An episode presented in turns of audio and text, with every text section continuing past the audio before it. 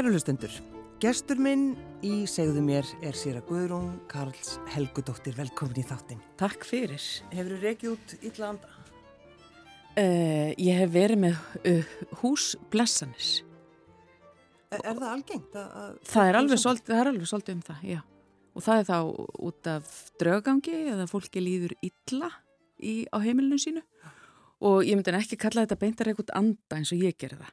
Eða, eða, eða við heldur, við förum bara á heimili, byggjum fyrir heimilinu, fyrir fólkinu. Ég hef reyndar út í þetta opnar þannig að ef það er eitthvað, þá getur, þarf- þá getur það farið út. Já. Að og segi, já, segi kannski fa farið þeir sem fara vilja Já, en svo svona signi ég við glugga alla glugga, allar hurðir og svona byð fyrir, fyrir fólkinu og heimilinu og þetta hefur yfirleitt virkað mjög vel mm.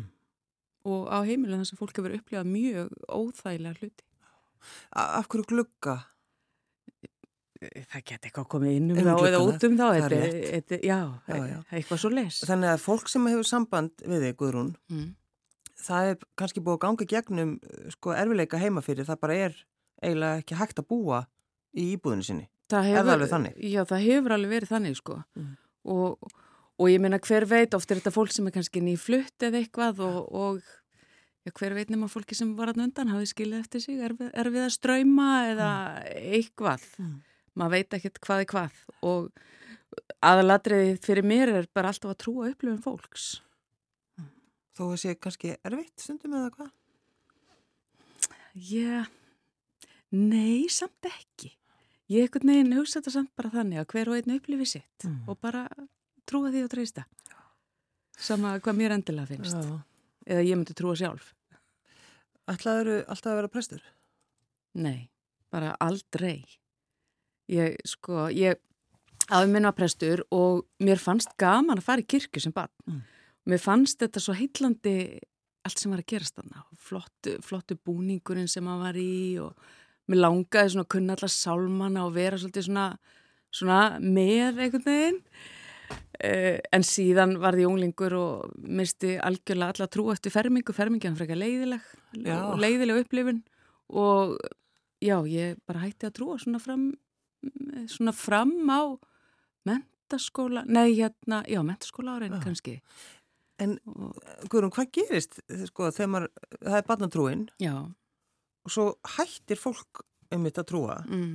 og svo ferða aftur að trúa. Mm. Hva, hvað gerist? Sko ég held að sko barnatrúin mín í það minnsta var einhvern veginn alltaf bara svo sjálfsögðu eðlileg. Mm. Það var bara alltaf Guð, bara trúðu Guð. Já. Og ég baði Guð að gefa mér ímslega sem ég langaði í lakríspoka, ef mér langaði í nammi og svona. En ég fekk það aldrei. Nei, Nei. hann var ekki að hlusta. E, ekki einmitt. En svo kannski einstaklega var bara Guð að hlusta. Mm. Þannig að það voru líka þannig upplifanir. En ég myndi kannski frekar jafnvel kalla þetta tímabil sko evasemda tímabili. Vegna þess að þó svo ég teldi mig hægt að trúa eða ég hægt að trúa, það var alltaf hugmyndin um Guð. Hugmyndin um eitthvað æðra og meir en við. Það var alltaf aðna. Og ég hafði mikla þörf fyrir að ræða það.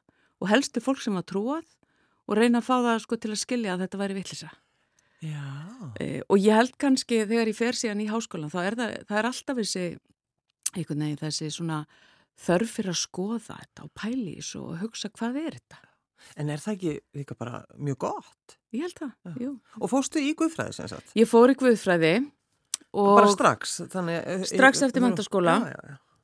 en, en ég var reyndar orðin alveg 22 vegna að ég tók mér hlið og fór til Chicago sem á PR og svona Mm.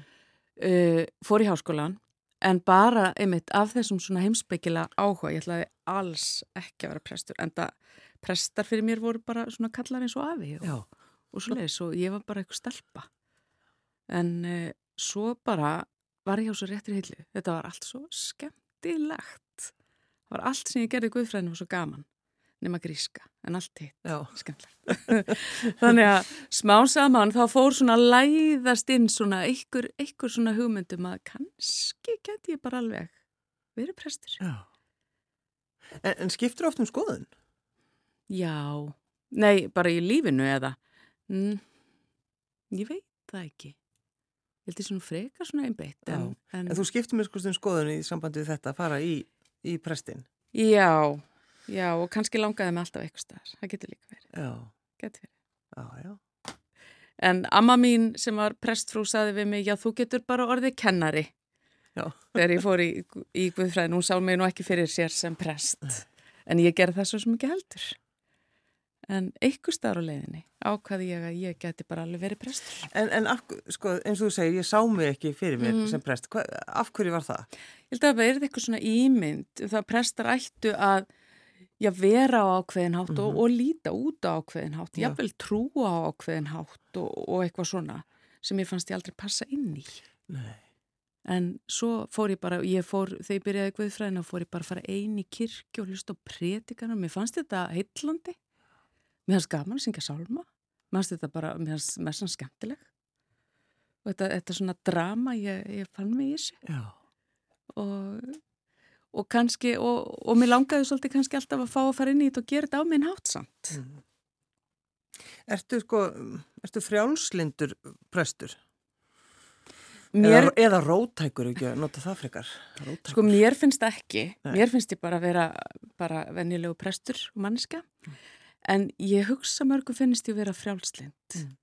og kannski einhver tíma rótæk, ég er ekki viss í dag, ég er svona, maður róast með árun. Já.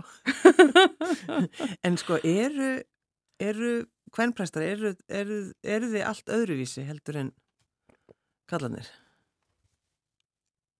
Ég veit ekki, við erum náttúrulega mjög, mjög fjölbreyttar og, og ólíkar og alls konar eins og kallanir. Mm. Kannski er svolítið munurinn á okkur að, að við, í það minnst að svona fyrstu kynnslóðir prestana, hérna, ég veit ekki hvað ég er, önnur, þriðja kynnslóð, Mm -hmm. við vorum ekki með þessar sömu fyrirmyndir, eh, eitthvað að stíga inn í. Við þurftum ekki að læra að tala á hverðin hátt og við þurftum bara að búa til okkar eigið og vera, og kannski bara vera við. Þannig að, en ég sko efast ekki um að, að tilkoma kvenna inn í þessa stjætt breyti stjættinni mjög mikið. Vegna þess að við komum bara með alltara, alltara reynslu og, og þess áttar. En svo held ég í dag sko yngstu prestarnir, eða fólk sem er útskrifast í dag og er að byrja, það er líka bara allt öðru sig. Já. Og ég hef alveg svakalega vonir fyrir skemmtilega kirkju í framtíðinni þegar ég sé þetta fólk sem er að er að klára, er búið að, eða er búið að vera að víjast undan farin ár og, og fer að víjast. En akkur ferði til Svíþjóðar, Guðrún? Það var bara ástinn. Ég kynntist manni sem að var e, að vinna í Svíþjóð, Íslendingur samt. Mm. Og e, ég flutti til Svíþjóðar til hans. Vorum þar í átta ár og þar vigðist ég sem prestur, Dómkirkjunni í Göteborg. Eftir, já, þurfti að taka svona smá praktískan hluta í Svíþjóð sem tók mig alveg þrjú ár. Þannig, ég- þannig að þú varst starfandi prestur í Svíþjóð? Já. Í Gautaborg? Já, í sænsku kirkjunni. Já. Já. Er hún öðruvísi heldur en, eða hvað? Já, sumuleiti og sumuleiti ekki. Hún er aðalega kannski miklu starri og fjölbreyttari. Já. Við erum svona minni og, einsleitari sumuleiti eða mörguleiti. E, ég held að það veri mjög gott fyrir mig að fara til Svíþjóðar. Þar svona komst ég að því að við þurftum ekki öll að gera hlutin eins. Já. það er alltaf svo gott þegar maður fattar það. Já, akkurat. Já. Það var ekki einleið, það voru alveg margar Já. og, og margar réttarleiðir Já, já. og góðar. En hvernig, sko, hvernig prestur varstu þarna, uh, Guðrún? Hva, hvað varstu að gera? Í Svíþjóð? Já. Uh, fyrsta árið, það er svo gott í Svíþjóð, fyrsta árið þá er maður svona með, þá er ég aukaprestur Já.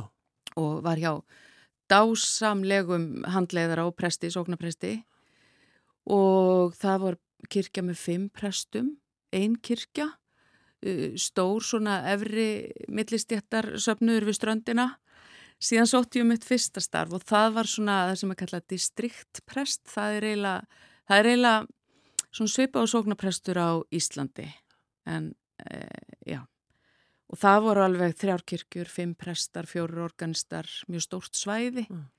þannig að ég hef aldrei starfað í kirkju þar sem eru færri en fjóri prestar sem nú frekar ofinnilega reynsla á Íslandi. Já. En vildi fólk tala við íslenska prestin? Mjög áhugasamt, já. Svíjar eru mjög áhugasamir um Íslendinga og, og voru bara svo glöð held ég að ég skildi vilja vera í Svíþjóðu og vildi læra tungumálið þeirra og Já. vildi vera prestur hjá þeim, já. Virkilega. Það var mjög gott að vera í Svíþjóð. En eh, af hverju fóruð þið þá, komið þið þá heim? Það var svona fjölskyldu aðstæður. Elsta batnið að komið tíma á að fara í mentaskóla, tengdamóðu mín orðin veik mm. og svona ymislegt þannig við ákveðum að prófa, sjá hvort við fengjum störf á Íslandi bæði Já. og það bara virkaði, fengjum bæði, bæði stöður. Og, og þú ert í, í Grafáskirkju? Ég er í Grafáskirkju. Er þetta ekki bara, er þetta, er þetta ekki, nei, þetta er ekki stærsta kirkjan? Þetta þetta er fjölmennastu söpnurinn á Íslandi Já, en, þá, en þá, en, en þeir eru að stækka margir. Já. Þannig að ég er búin að vera þar síðan 2008 og tók við sem sóknarprestu 2016. Mm. Við erum fjögur. Þeir eru fjögur þar, já. Svakalega skemmtilegu staður. Hvernig sko, hvernig líður dagurinn? Hva, hvað ert að gera? E, það er mjög misjátt eftir hvaða dagur er en það sem gerir svona virkum dögum er, það er mikil sálgæsla, sálgæslu við töl og það eru til dæmis, það eru undirbúningu fyrir helgina, það eru skýrna við töl og, og það eru útfarir á virkum dögum yfirleitt. Mm -hmm. og það er mikið kringum það, bæði alls konar heimsóknir og við töl og skrifaræður og já, vera með aðtapnina sjálfar. Það er svo, það er svo ótal margt. Svo eru alls konar helgistundir hér og þar þar að fara í, í hérna, stundum eru útköll. Ef eitthvað, eitthvað alvarlegt gerist þá ringir laurglan og við til dæmis tilkynum andlát og, og svo les Ertu búin að vennjast því?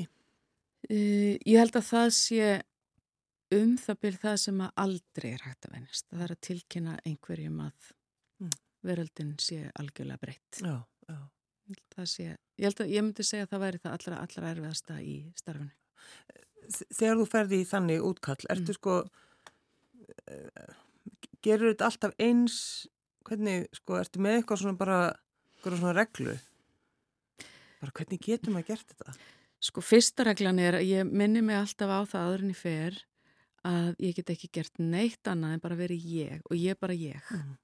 Ég er ekki hlutverki sem eitthvað prestur, ég er bara ég, ég er bara mannska og síðan er að tala við yfirleitt að laurugla með svo næstu því alltaf og þá er mjög mikilvægt að fara yfir það áðurum fyrir minn mm.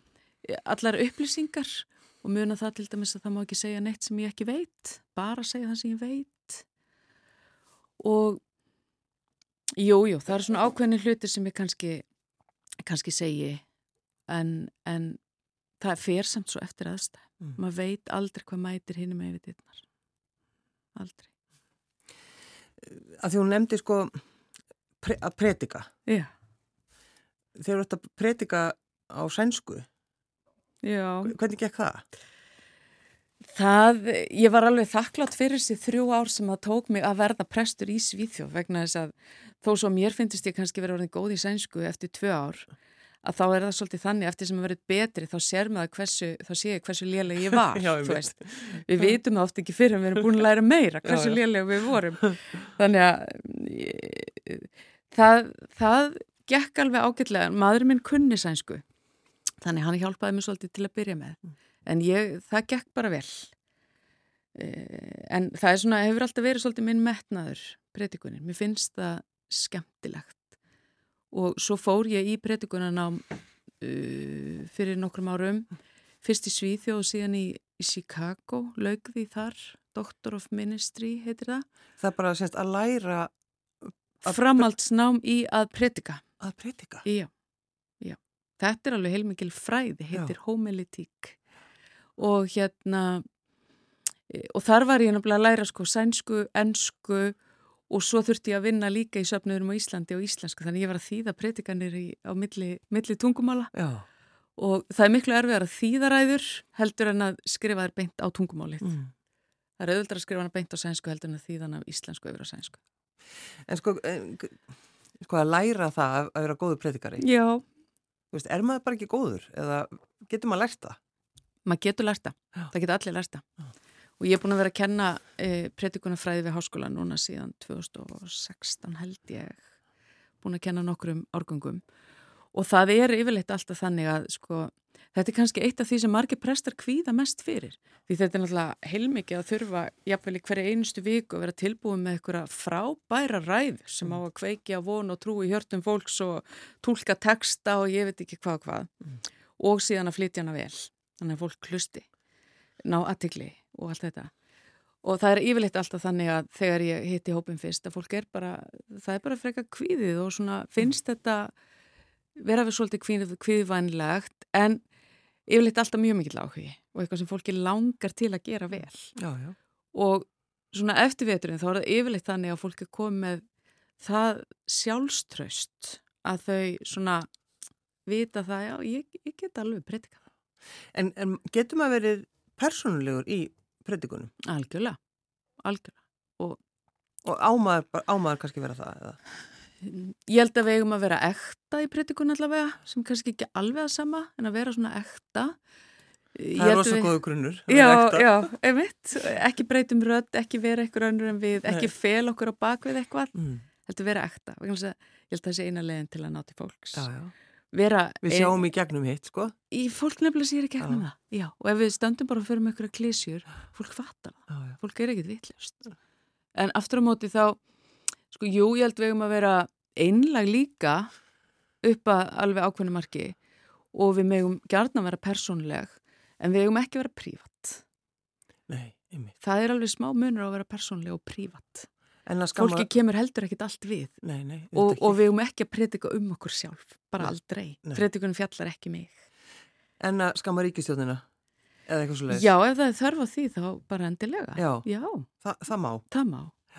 Það má. Og einhver kannski mál sem að, þú veist, er í umræðinni að, að þið grípið, eða þú grípur, grípur þau. Já, ég myndi alveg segja að það væri hlutverk pressins að, að gera það svona allavega í ákveðnum tilvikum, algjörlega. Já. Eða er eitthvað sem að bara fer gegn eh, öllu að tala um það. En það rata líka svo oft í fréttinar. Já, ég veit það. Já, og maður þarf, að, og maður þarf líka að vanda sig hvernig maður gerir það. En já, ég, ég meni, Jésús Kristi var aldrei pólitískur. Jú, jú. Ha. Og hefur þú gert þetta? Já, já, ég hef vel gert þetta og, og ekkert síst svona, já, svona mannréttindi. Mannréttindi eiga bara alltaf heim í pritikun. Mm. Þannig að það er bara svolítið aðaladriðið. Já.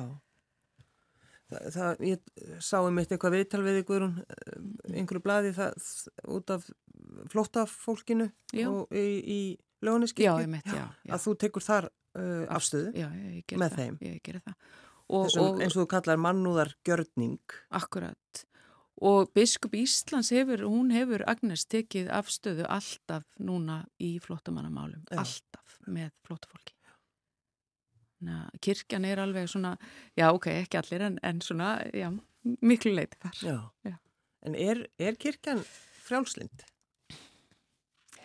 Ég myndi segja að kirk, já, neð, ég myndi segja að kirkjan er alls konars. Já.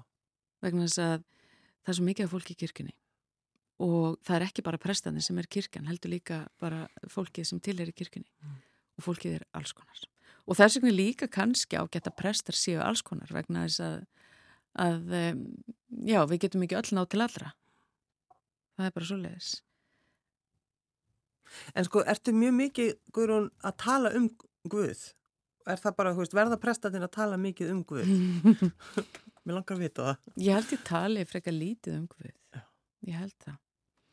Og Þetta er pínu, þetta er pínu flókið með, með Guð og með trú og allt þetta og hvað við köllum þetta. Já, já. Vegna þess að ég til dæmis sko verð mjög vörfið það að, að sko ég er mikið þjóna fólki sem er ekki trúað.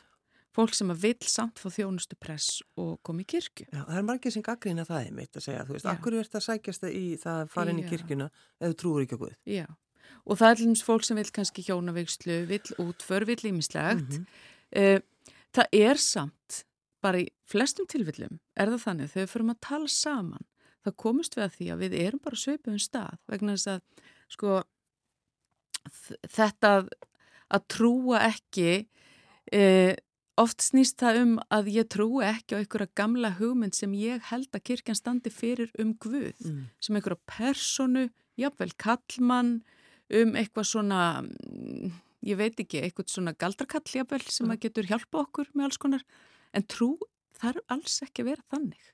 Heldur trú er kannski meira það að trúa því að það sé til eitthvað eitthvað aðra okkur að við séum ekki stæst og mest og merkilegu öst og Við höfum gott að því svolítið að minna okkur á það. Höfum það nefnilega alveg, já, auðveit og sérstaklega í dag þar sem mm. við erum svolítið alltaf einhvern veginn að promotera okkur sjálf já, já.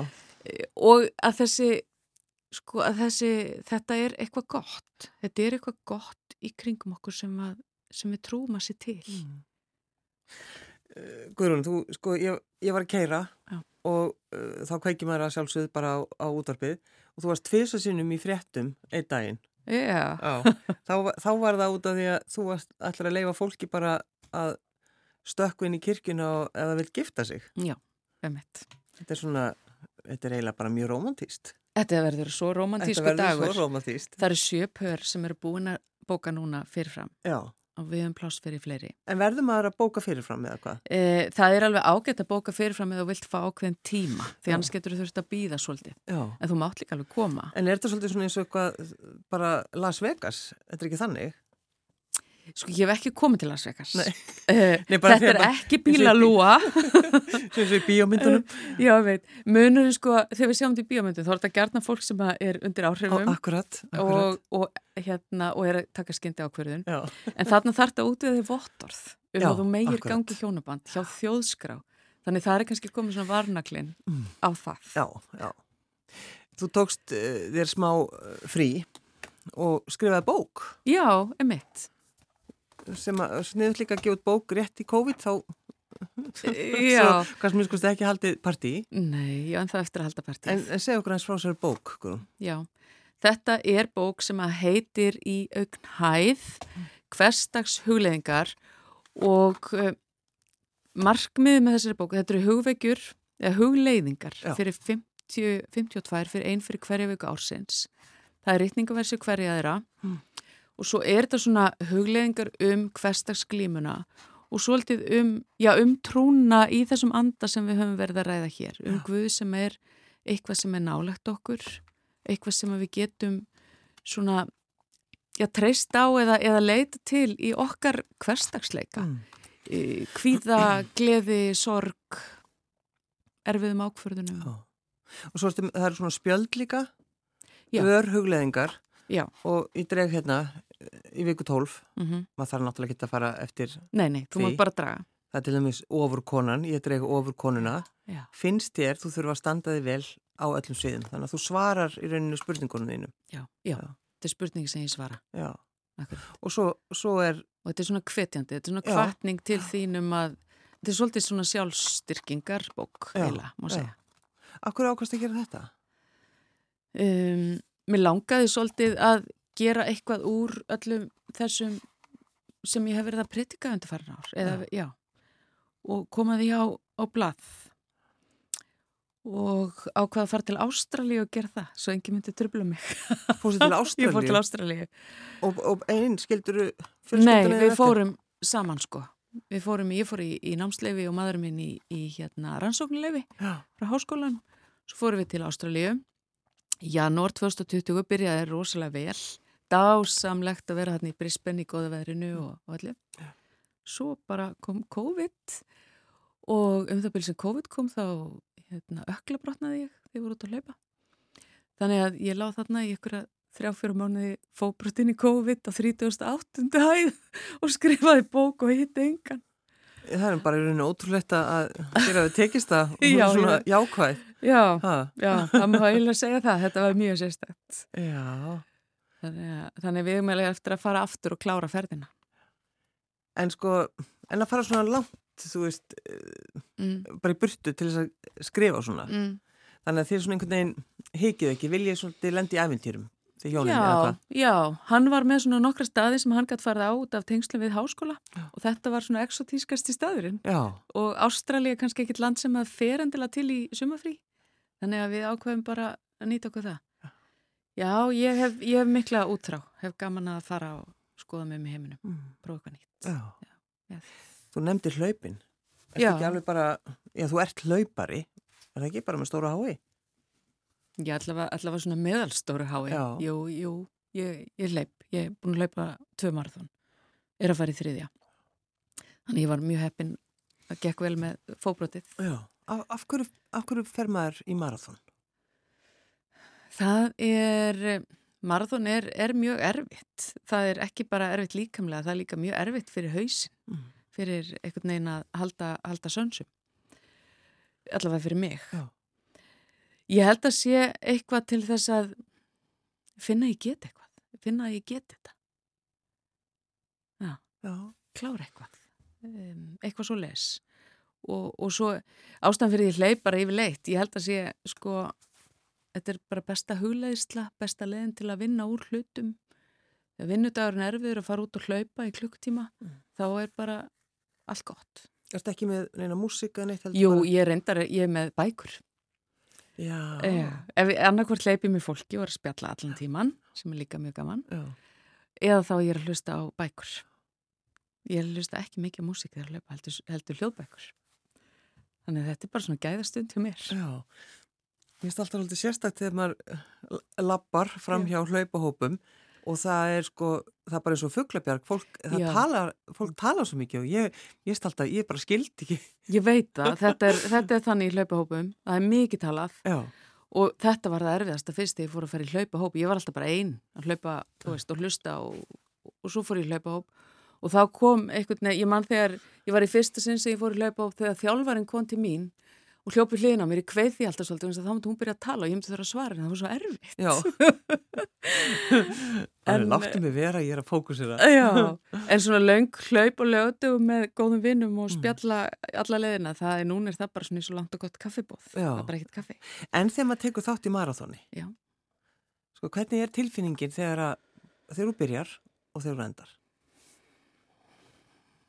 Já, þetta, þetta, er, þetta er erfið spurning. Sko, það er svo langur aðdragandi. Ef þú ætlar að fara í marathón þá ertu að æfa minnst í tólvíkur, minnst. Þannig að þú ert búin að vera að æfa því svo lengi. Það er einhvern veginn, þú ert svo, þú ert svo tilbúin að fara að klára þetta. Í tólf vikur eftir þá hleypur okkur með einsta degi eða eitthvað slíkt? Nei, ég hleyp bara svona fjórsunum í viku. Já. Já, já. Og, og ég þarf líka, líka að passa, ég þarf alltaf að passa mig að ef mikið og mikið þannig ég verði ekki orðin þreytt þegar Mm. kemur á marathónu. Ég lendi því í fyrsta marathónu, ég var bara þreytt og það var ekkert frábær upplifun. En, En, en kláraður það? ég kláraði það, þó ég væri bara ekki, það var ekki, ekki gott marathón, mér leiði ekki vel og leiði ekki vel eh, einhvern veginn andlega Nei. að því ég var þreytt. Annað marathónu var æðislegt, bara fullkomlega dásamlegt. En tilfinningin þegar maður er búin með gott hlaup, hún bara, það er bara fátt sem að toppar þá tilfinningu. Mm. Það er eitthvað svo, þú er búin að vera svo dugleg og ferska loftið og einhvern veginn búin að reyna á því líkamlega þreytt. Þetta er algjörlega frábært. Fegstu kannski hugmyndina að bókinniðinni þegar þú varst að hlaupa? Mjög líklegt. Já. Mér dettur mjög margt þar í hug. Já. Svo nota ég hlaupin líka til að æfa mig á predikunum til dæmis. Þegar það? sem er predikuna þá er ég að fara yfir hana í haustum þegar ég hlaupa. Já. Þú hefur ekki munnin? Eða hvað? Ertu Það, það það getur vel verið að ég gera það stundum. og líka bara að fá hugmyndir. Já, Kom margar hugmyndir á hlaup. já, já, auðvitað. Aðeins aftur að, að þessu, sko, að predika, Já. að uh, skrifa predikun. Sko, ertu stundum þannig að þú fær enga hugmynd, grýpur þá alveg neðstu skúfuna og fær, tekur einhverja sem þú verður notað áður eða er það algjörlega bannað? Það er eigilega algjörlega bannað. Já. Eigilega alveg algjörlega. Nema bara í nöy. Já, já. En það er eigilega, nei, vegna þess að predikun er svona, hún verður að vera einhvern veginn ferskvara svolítið og svo verður hún að vera svo, svo sönn. Þú Verður að, þetta verður að vera eitthvað sem að þú trúir á og treystir akkurat núna. Mm. En aftur á móti er vel hægt að nota hugmyndir úr gömlu predikun, ekki spurning. Og, og fara með þær kannski aðra ráttir eða eitthvað svoleiðis. Finnst þið, ertu stundum hissa, Guðrún, á þegar þú ert að vinna predikun, bara hvar þú ert í dag? Í Að- líf- að þú ert, já, að þú ert, þú veist, ég, hér sit ég að vera að skrifa predikun. Nei, sér það ekki. Er ekki hissa. Það er einhvern veginn bara svo rétt og sjálfsagt. Já. Já. Pa passar alltaf að, að þegar þú ert að predika að, að þú predikar á einhvern veginn svona aðgengilegan hátt. Þannig að maður geti, þú veist, að við skiljum það sem þú ert að tala um. Já, já, já. Já. Ég hef ekki notað sko neitt, neitt blað eða neitt svoleiðis í, í nokkuð mörg ár núna. Heldur flytt bara predikunna. Og, og ég gerði ekki þannig að ég bara ákveða stanum hvað er að segja og býð eftir andi komið við mig. Heldur skrifa ég predikunna mjög nákvæmlega fyrirfram og læra hana. Já, þú lærir hana bara. læra hana bara utan að. Já. Og ert ekki með blöðin, Nei, nei. Yfirleitt ekki. Það Engan, það er engin kvíslari. Nei, ég var með kvíslara fyrst eða sko blöð svona Já. hér og þar og eitthvað. En það er alveg hægt. Og, og þetta er bara æfing og þjálfun og það er til aðferði við þetta til að gera þetta svona Já. og þegar þú ert búin að gera þetta svona í svolítinn tíma þá eru bara viðbröðin þannig og upplöfunin það er eiginlega ekki hægt að fara í hitt. Mm. Er það því við einhvern, veginn trúum því frekar að, því, að þú, þú ert að sko að tala, þú ert ekki onni í blöðum, Mm. heldur að sé... Já, ég held að sé það og ég held að sé líka það að þegar ég stend berskölduð fyrir fram á fólkið, þá get ég heldur ekkit annað gert en treyst. Einhvern veginn treyst því að bæða ég muni þetta og þegar ég man það ekki að ég hérna e, fái, fái þá andan allavega við mig og treysti því að fólkið í kirkjunni einhvern veginn taki mér Mm. Bara, taki viljan fyrir verkið, taki mér eins og ég er og, og heyri þann bóðskap sem Já. að ég er fram að færa. En til dæmis eins og þú ert að jarða Já. og það er þessi upptalning. Já. Ertu líka með, ertu ekki með Jú, blöð það? jú, jú, jú, jú. Ég ætlaði að segja það. Já, nei, nei. Ég ger þetta bara í pretikunum fein er það. já, einstaka brúðköpum líka. Já. En nei, nei, ég myndi aldrei gera það, Nei. aldrei nokkuð tíma. Að það er bara allt önnur tegund af ræði. Já, það er, það er eitthvað allt annað. Allt annað, Já. allt annað. Og upptalningar í, í jarðaförum, sko, þær hafa nú minkað svolítið mikið, allavega hjá mér og svona þeim prestum í, í kringum, sem er í kringum mig. Mm Það er svona ákveðin hlutur auðvitað sem að telur upp, en það er maður bara að fara yfir líf, mannesku. Já, já, og, en svona fara langt aftur í ættir og telja upp ártölu og svo leiðis, ég held að það sé nú svolítið mikið búið vegna þess að náttúrulega stór hluti þeirra sem er þarna þau vita þetta. Já, já, okkurlega. Þegar þú ert að predika, Já. finnur þú þá þegar þú ert búin að missa, eh, ég, ég get ekki sagt missa salin, eða þú veist, eh, að fólk er hægt að hlusta þig? Algjörlega, já. Hva, hvað gerur þú þá? En ég finn það líka þegar þau eru öll með. Já, en þegar þú finnur að, að það er eitthvað svona einn, að það er ekki áhugi, fólk er ekki að hlusta á mig. Sko það eru mjög mörg ár síðan ég hefur upplifað það. Það eru alveg mörg ár. Mm. Um, en ef ég upplifa það, upplifa það með hópi, það er hægt að upplifa það kannski með til dæmis fermingabönnum, það er hægt að upplifa það, já, í. Já, já. þá skipti ég alveg bara beigi, tek upp beigju eða hætti. Vegna þess að ég nenn ekki að tala við fólk ef það er ekkert að hlusta. Það, það, það hefur bara ekki neitt upp á sig. Og það er bara mjög vant fyrir mig og fólki. Já, það, er svolítið, það er svolítið þannig. Já, og ég held að við verðum alltaf, alveg svona hvort við erum prestar eða bara þegar við erum að tala við fólk, við verðum að, að hérna, sé, vera á staðnum og stundinni Mm. og hlusta. Já. Og, og, og fylgja því sem að fólki er líka að segja okkur. Akkur heiti bókiðin í augnhæð? Uh, ein hugvekjan fjallar um það að mætast í augnhæð. Að sko, við erum ekki yfir, við erum ekki undir, við erum í augnhæð sem manneskur. Og dæmi sem ég tek er reynsla sem að ég einhvern tíma upplýði því ég var að skýra barn og skýrnaskálinn var svo neðalega á gólfinu að hérna pappin hjælta barninu og, og þú veist hann beigði sér niður til að komast nær skálinni og ég beigði mig niður og, og svo fór hann lengra og ég, ég fór lengra. Og lókum voru bæði kominir á nýja Já, já. og einhvern veginn voru bara allan í augnað ég, barnið og pappin öll á hnjánum. Og, og það er svolítið þannig að þú sko þegar þú mætir fólki alvöru aðstæðum þegar þú mætir til dæmis litlu barni, þegar þú mætir degjandi mannsku þegar þú mætir einhverjum já bara í alvörunni, þá erum við í augnað annars getum við ekki mæst í alvörunni. Það er svolítið kjarnin í bókinni minni að mætast í augnað þar sem við erum sem mannskur Það er Svolítið, svolítið gott að hugsa þetta þannig. Mm. Og þannig er þetta líka með trúna, svo er Guð, það sem ég kalla Guð, er bara mitt á miðal okkar, inn í þessu öll saman, út og suður Mm. og alls konar. Sér að Guðrún Karls Helgudóttir. Takk fyrir að koma. Takk fyrir mig.